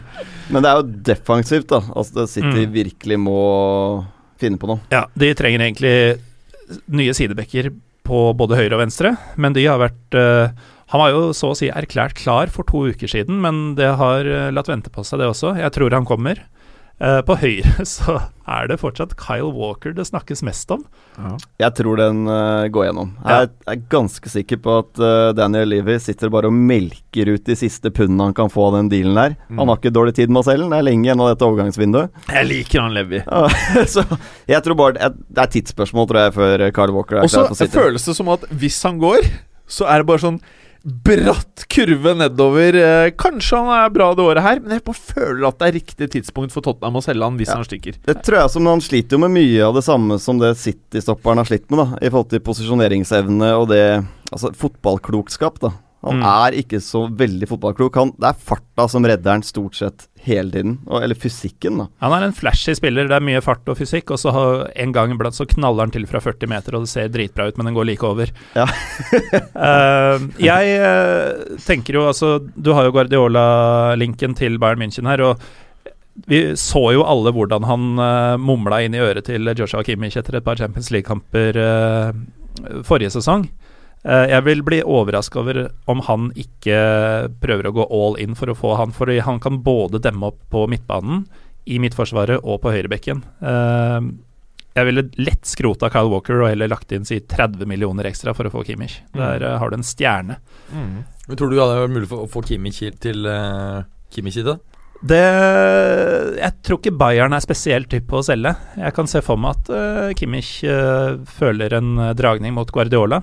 Men eh, jeg vet ikke om Manchester er stedet han eh, vil dra til. Ja, Spesielt at Lam har lagt opp. Mm. Så, så har jo Bayern et høyreback-problem sjøl. Ja, det var vi jo Potensielt høyreback-problem. Det var vi jo innom i Potensielt. forrige episode. Eh, dersom de reindyrker Kimmich der, så har de ikke et høyreback-problem.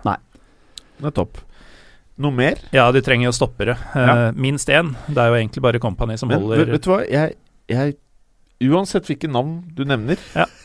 jeg, Det er egentlig litt sånn eh, uinteressant. For jeg Ja. tror de kan Jeg tror de kan hente Bo- Bonucci, de kan hente Ramos, kan hente Piquet. Men jeg tror allikevel at det blir helt dritt. Hadde likt Bak. PP. Tror du det? PP-type hadde de trengt. ja, ja. Men eh, jeg tror PP den eh, gratis. linken er vanskelig med Guardiola, Barca, Real Madrid og alt det greiene der. Eller man vet aldri om det kunne ha gått, men uh... Jeg tror han har sett for mye smerte hos de Barca. det de små bekkene eh, Når PP kommer inn Var det ikke jeg som hadde ment at eh, jeg selv bevitnet eh, Alves ligge over ti sekunder eh, i luften etter PP-taklinger? Jeg har aldri hørt noen si 'Var det ikke jeg som mente At jeg satt og så jeg, jeg, jeg, jeg tror det stemmer. Jeg tror han, Jeg at, tror det at, stemmer. at han må Jeg tror du mellom, mente det. mellom 10 og 15 sekunder av livet sitt har Daniel Alves tilbrakt sidelengs i luften etter knallharde Ja, han PP-taklinger. hadde funka i Premier League. Ja, det tror jeg. Mm. Ja, men jeg er helt enig med deg, Jim. Det er uh, nesten umulig å komme opp med noen stoppernavn som jeg ser for meg lykkes i det City-laget her. Det er, det er et sted hvor uh, midtstoppere kommer for å dø. Gjerne litt sånn up and coming, som bare tenker jeg har ombestemt meg, jeg vil ikke spille fotball. Jeg. Nei, det hører med noe her, men er det noen spillere som kunne funka her? Van Dijk blir jo nevnt. eh, kanskje Altså, Tror Bonucci også har vært en veldig bra signering. Bonucci er selvfølgelig nevnt, og han ville jo vært en Ja, han, han skulle jo vært en bra signering, men jeg, jeg tror som Jim at på et eller annet vis så, så vil det ikke funke. Jeg tror det blir som Canavaro til Real, at det bare Alt virker riktig med deg, og så bare blir bare rør. Ja, Jo, men og der, der var det også litt fordi at eh, man ikke lenger spilte med noen eh, holdende midt, altså midtbanespiller som, som er noe Som beskytter forsvaret. Ja. Så det ble jo Men poenget mitt er at det ble rør. Ja, ja. Ja, Mm. Så jeg tror det blir rør på en eller annen Ja. måte her òg. Ja, nei, det, blir- det blir rør, eh, og spesielt da hvis det er Stones de skal satse på ved siden av, så har du to veldig gode ballspillere. Men hvem av disse skal gripe tak og røske løs og Men, men, men jeg, jeg håper jo at det bare blir rør, jeg. For jeg syns at det er, kjem, det er en veldig fin greie å prate om gjennom en hel sesong med fotballuka. Ja, det er kjempegøy. Å Ja. følge det. Men jeg klarer ikke å se at Stones blir en klassestopper. jeg. Nei, Jeg ikke klarer ikke se det. Men jeg tror at hvis de kjøper han van Dijk Det kommer til å bli bare rør. Bare rør. Med han nå? Ja, ja, ja, ja. jeg, I det- City. Nei, jeg tror ikke det. Nei, jeg, tror- jeg tror ikke det blir rør hvis du henter en spiller fra Premier League. Så Nei, men han er, er, eh, litt mindre. rørete, van Mm. Dijk òg. Altså. Han sliter med posisjonering av og til, han også. Han har blitt mye mye bedre de siste par åra, men uh, fortsatt så er det litt sånn ukonsentrerte øyeblikk Og selv den stopperen jeg mener er eh, best i Premier League, altså Tobby Alderweireld Jeg tror selv han kunne blitt bare rør i City. Bare, du kan se det for deg. Ja, ja, At det blir rørete. At det bare blir eh, At en god spiller rett og slett ikke klarer å passe inn der. Det er et eller annet sånn som med keepere i Liverpool. Det blir feil. Men det har noe med spillestilen å gjøre også. Det er ganske komplisert å være midtstopper i eh, City. Du skal eh, delta i ganske mye deler av spillet, da. Det er derfor jeg har løsningen. Kom med den. Jeg har løsningen, skjønner du. Heter han Jérôme? Nei, han heter ikke Jérôme. Han heter Yaya Touré. Ettårskontrakt. For de av dere som husker eh, Pep i Barcelona, så spilte Yaya Touré midtstopper i Champions League-finalen. Ja Det hadde vært litt morsomt å sett. Jeg er enig i det. Ja. God Det midtstopper. Ja. Ja, hvordan, skal- hvordan var han på Hvordan var han på stoppeplasset? Han var veldig bra, men han var jævlig sint. For han ville jo ikke spille stopper. Å, Han var ikke, virket det? Å nei, nei, nei, nei, nei. Så det var jo dritdårlig forhold mellom han og Pep. Ja. Så det er det som liksom eh, Det er i hvert fall desperasjon når de har blitt venner nå. Ja, ja, ja. Ja, nei, der er du jo indirekte inne på noe. Det er jo også denne midtbanen som Gundogan er den beste. Han spiller i beste fall si 20 kamper i løpet av en sesong. Jeg og Toré er der fortsatt. Jeg er faktisk glad i Fernandinho. Jeg liker eh, den spilleren, men eh, det er litt tynt i, eh, på den delen. Og litt som med Joshua Kimmich, så er det nok ikke spesielt sannsynlig, men en drømmesignering for Guardiola her ville jo selvfølgelig vært Tiago Alcantara. Mm. Det hadde ikke blitt rør, men det skjer ikke. Ja, det er helt enig ok. Uh, Preben. Spurs. Ja, Der handler det jo egentlig bare om å beholde de de har. De, de er jo ikke i nærheten av å kunne kjempe med de andre klubbene rundt seg på tabellen eh, økonomisk. Eh, Kanskje- De vil i hvert fall ikke gjøre det. Men kanskje de kan det om noen eh, år når stadion står klar og litt mer cash inn på, på konto. Jeg ser for meg at det skjer veldig veldig lite. Én eller to overganger inn. Jeg tror de kommer til å fortsette sånn som de har gjort, og hente opp noen folk fra, fra egen eh, stall. De mister jo høyst sannsynlig Carl Walker, så de må jo ha et eller annet på høyrebekken. Der har eh, Det siste nå har vært eh, Ricardo Pereira, som har vært på lån i NIS den sesongen, som skal ha en utkjøpsklausul på 25 millioner euro eh, fra Porto, da. Eh, det kan være et veldig veldig godt kjøp. Ellers så har du jo Kyle Walker Peters, som uh, tok U20-VM-gull nå med, med England. God spiller, så er det spørsmål om de ser klarer å se om han er god nok, da. Om han er ferdig nok til å kunne være en backup for uh, Tripper på, på høyrebekken. Uh, hva annet er det de kan gjøre? Jeg, jeg, tror Rose blir, det var vi litt inne på i sted også. De må ha en ny stopper. Der har Ginter da, fra Dortmund vært nevnt. han virker ikke helt som stabiliteten selv. Jeg vet ikke om du kan si mer på det om det, Morten. Men uh, du har sett mer Dortmund-kamper enn meg. Tror ikke du vil se stor forskjell på han og Kevin Wimmer. Nei, ikke sant. Uh, for Kevin Wimmer holder ikke nivået. Uh, Feltmann fra, fra Ajax er også inne i bildet her. Eh, det kan skje. Det er, det er, den type overganger jeg tror vi får se eh, egentlig over hele fjøla her, altså. Hatt grei suksess med tidligere Ajax-stoppere de siste åra. Ja, så egentlig bare fortsette i det sporet der. Så få en hel uh, Trebecks-linje med gamle Ajax-folk. Det burde funke bra. Uh, offensivt så um, De må ha en, en eller annen prøve å få til en eller annen backup for Christian Eriksen, som uh, var kanskje Tottenhams beste spiller i fjor. Å, mener du det? ja, det mener jeg. Uh, en av de aller viktigste, i hvert fall. Uh, kreativitet er en som kan styre tempoet. Jeg kan se for meg Christian Eriksen er en fyr som kan droppe litt lenger bak i banen etter hvert. Og bli mm. litt mer playmaker-type. Uh, Mares jo, er jo til salgs. Jeg tror han blir dyr. Jeg tror mm. han blir for dyr for Tottenham. Tror? Jeg tror du ikke må opp igjen rundt 50 for det? Jo, men er ikke Jo, ja, eller jeg kanskje han lever bare Kanskje han, ah, kanskje han får akkurat den summen for Walker. Jeg hørte et rart uh, rykte i dag angående han. Ja. Monaco skal være i førersetet. For Mares? For Mares. Ja. Det tror jeg er bullshit, altså. Ja, det, rykte, det, går masse rykter om Tom Alemar også, selvfølgelig. Jeg, igjen, jeg, det har også vært snakket om et ganske lave summer, altså 25-30 millioner euro. Mm. Uh, er han til salgs for den prisen, så mener jeg det er ganske mange klubber som burde løpe og kjøpe. Mm. Uh, virker ganske stilt kjøp. Eller så liker jeg Manuel Lanzini i Westham tror faktisk det er en type som kunne passet inn i Tottenham-spillestilen. Eh, Hardtarbeidende, bra teknikk, eh, god med ballen. Så det tror jeg kunne vært et, eh, et Tottenham-kjøp, da. Mm. Eh, hva annet? Jeg tror Jo, jeg tror faktisk at eh, neste sesong blir Harry Winks sitt ordentlige gjennombrudd. Mm. Spår at han får en debutere på landslaget i løpet av neste året. Kult. I hvert fall når jeg så at Jake Livermore driver og er på den sentrale midtbanen der. er Winks er i helt annen klasse eh, i mine øyne. Jeg tror man kan se at det er en ny stjerne som kommer opp. Ja. Uh, så tror jeg også vi får se at Josh Onoma, som også var på dette U20-laget, som spilte en del i år også, fikk mye matcher, også kommer til å få enda flere kamper på førstelaget til Tottenham neste år. Mm. Uh, nettopp. Uh, noe mer? Nei, jeg tror Jansen blir det. Ja. Mm. Men jeg tror jeg ikke de får igjen de penga de ikke betalte for den akkurat nå, men uh, Nei, men altså, han, han, er han, er ikke sånn som Hans Isoko som ikke er motivert. Ikke nei, han gir 100 ja, hele tiden. Ja, det er bare spørsmål om tid før uh, antagelig snur seg. Men uh, liten rask digresjon når det gjelder unge spillere. Vi snakket om Liverpool i stad. Nå har jo de uh, signert han Dominic Solanke, som Chelsea ikke hadde interesse av å ha lenger. De skal betale sånn utdanningskompensasjon beregnet til tre millioner pund og sånn, så de må faktisk betale litt for han. Men han, eh, det kan jo antagelig være en spennende spiller fra, for, på litt sikt. Han ble kåret til turneringens spiller nå i U20-VM eh, som var forrige uke. Endte med nest flest skåringer også i turneringen, fire mål.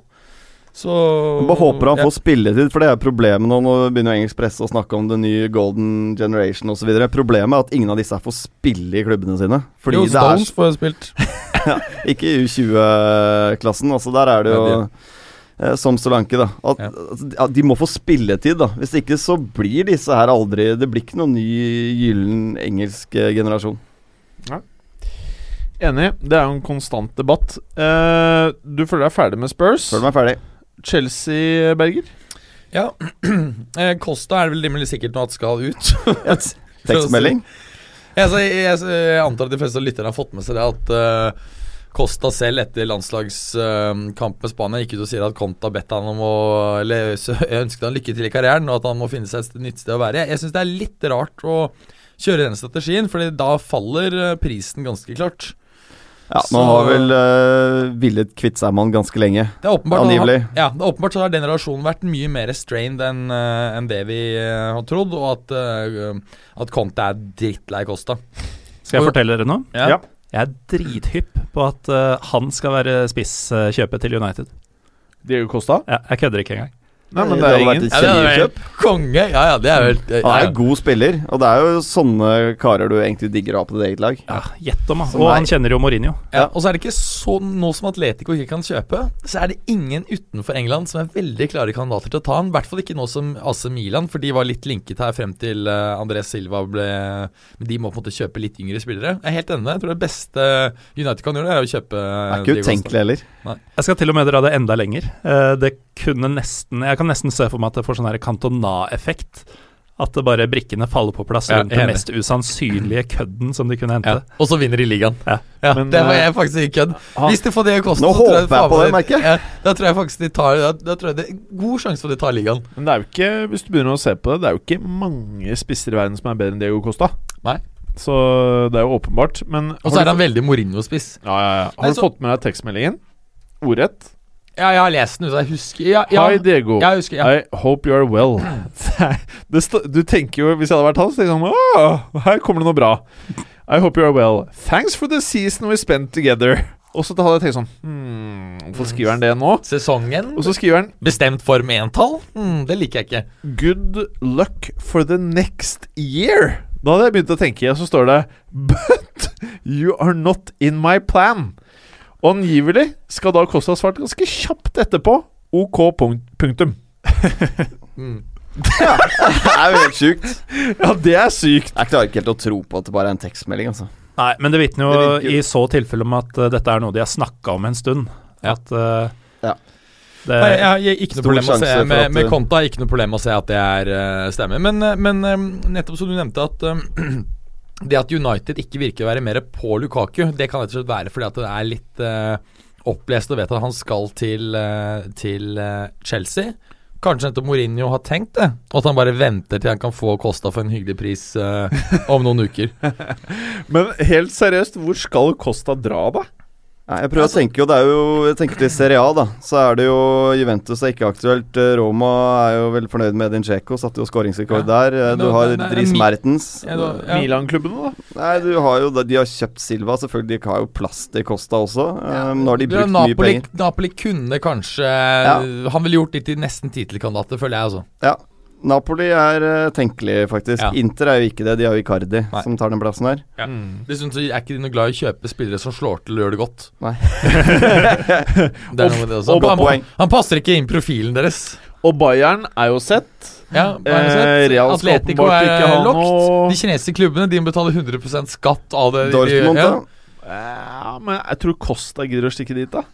Da sitter han heller og trøkker eh, tribunen, vel? Men er det helt Nei, utenkelig at han går til Atletico Madrid og tar seg et halvt års ferie? Det tror jeg kan være Jeg mulig. syns det har vært det feteste. Jeg, nei, meg, nei, det feteste, det er United. Damn straight. Ja, ja. Jeg tror fortsatt Atletico er det mest sannsynlige. Eller fuck it, Newcastle. jeg, jo, jeg vil si at det bare Shit, de bare brenner av fem de, med halvparten av budsjettet sitt, liksom. Og så en sånn røff kar som eh, kanskje ikke går helt inn i systemene til Det kan bli mye gnisninger. De er jo i ferd med å bli eh, kjøpt, de òg. Newcastle. Kjøpt opp. Skal han selge han eh, det er ikke- Spekulasjoner. Kina, det også, da. Å, helvete. Ok. Eh, ja. Chelsea. Eh, så vi må regne med at Lukaku kan eh, komme inn der eh, som en erstatter. Også mulig med Belotti, men jeg tror jeg det, det blir, blir jo dyrt. Belotti, altså. Jeg, det, det blir jeg skjønner ikke helt den hypen rundt Belotti. Greit, han har skåret mye mål. Nei, altså, han er, han er, Han er en sånn boksspiller. altså. boksspiller. Nei, han er mer enn det, òg. han er faktisk bra teknikk og kan skyte fra forskjellige vinkler. Hode, begge Det kan- bein. det kan- hånd- Giro. Immobile. Nei, nei, nei, han er ikke Chiri Immobile. Er du sikker? Chiri Immobile er, bi nei, er billigutgaven av han. Er du helt sikker? Nei, jeg er ikke 100 sikker. Eller er Immobile bedre enn Belotti? Ja, jeg, vet du, Ja, ja, ja. jeg syns det lukter eh, krisesignering Men- men- men- eh, hvis noen betaler hvert fall for en milliard, da. Men, Altså. men, jeg stu, men jeg stusset over at prisen på han gikk fra ukjent til 100 millioner på bare tre måneder. Det syns Ja. jeg var en litt stor eh, Det var Det er en voldsomt. gap. Men ehm, stopper de, de trenger jo antagelig en stopper til når du skal spille med Trebekslinje, så må du på en måte ha litt, eh, litt å gå på der. Det er fint, det. Eh, Zuma har jo ikke kommet tilbake på det nivået han var før denne skaden. Han virker ikke, ikke til å ha- være på en måte en spillertype som eh, som Conte eller liker. Svaken de Zuma er jo nettopp det posisjoneringsmessige og disiplinen.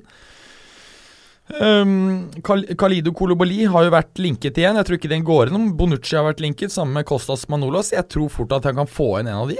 Eh, og rett og slett det er uh, det jeg hører litt fra Torino, da, at uh, både spilleren og Juve er ja, Kommer det 70, så får du nå. 70 euro, så får du Bonucci.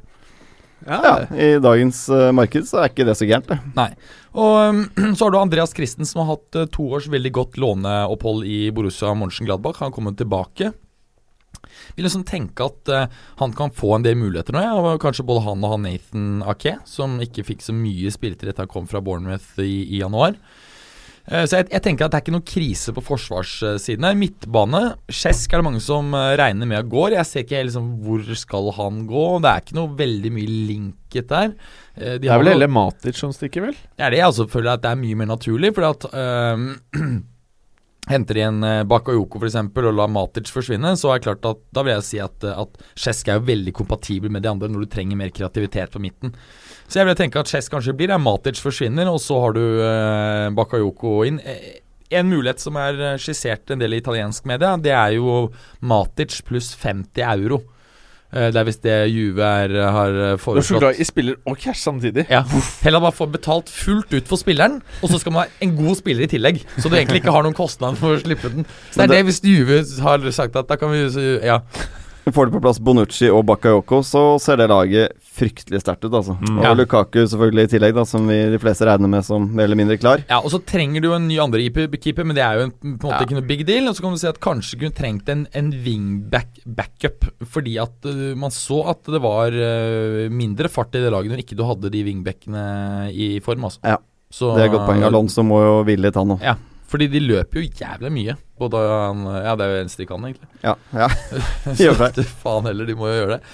Så ting ser jo bra ut for, eh, for, eh, for Chelsea, men eh, det er klart at det er noe helt annet når de skal ut i, i Europa neste år. Og Conte var jo ikke spesielt flink til å rotere laget da han var i Juve, men man spilte mot et annet drittlag og hadde vunnet ligaen på en søndag. Spilte toppet lag.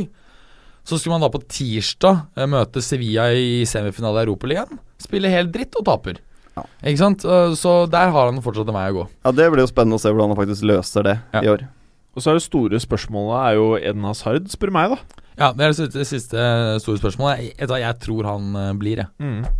Eh, 22. mai ble det jo klart at eh, Cuadrado signerte eh, for Juventus permanent basis. Mm. 20 euro. Mm. Eh, det var jo egentlig litt overraskende. Med tanke Det var jo greit at eh, Conte lånte han ut, men eh, det var jo prat om at eh, Conte kanskje ønsket han tilbake, da.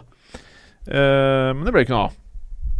Jeg Men- tror faktisk han kunne fungert greit da, i den Moses-rollen. Ja, det tror jeg også. Mm. For Du trenger ikke være veldig god defensivt, men du må kunne løpe. Så du kan ta inn på en måte Ja. Du slipper forbi deg, og det greier han jo. Men jeg håper de dytter uh, Aspilicueta opp der. Mener det er ideell posisjon for han. Mm.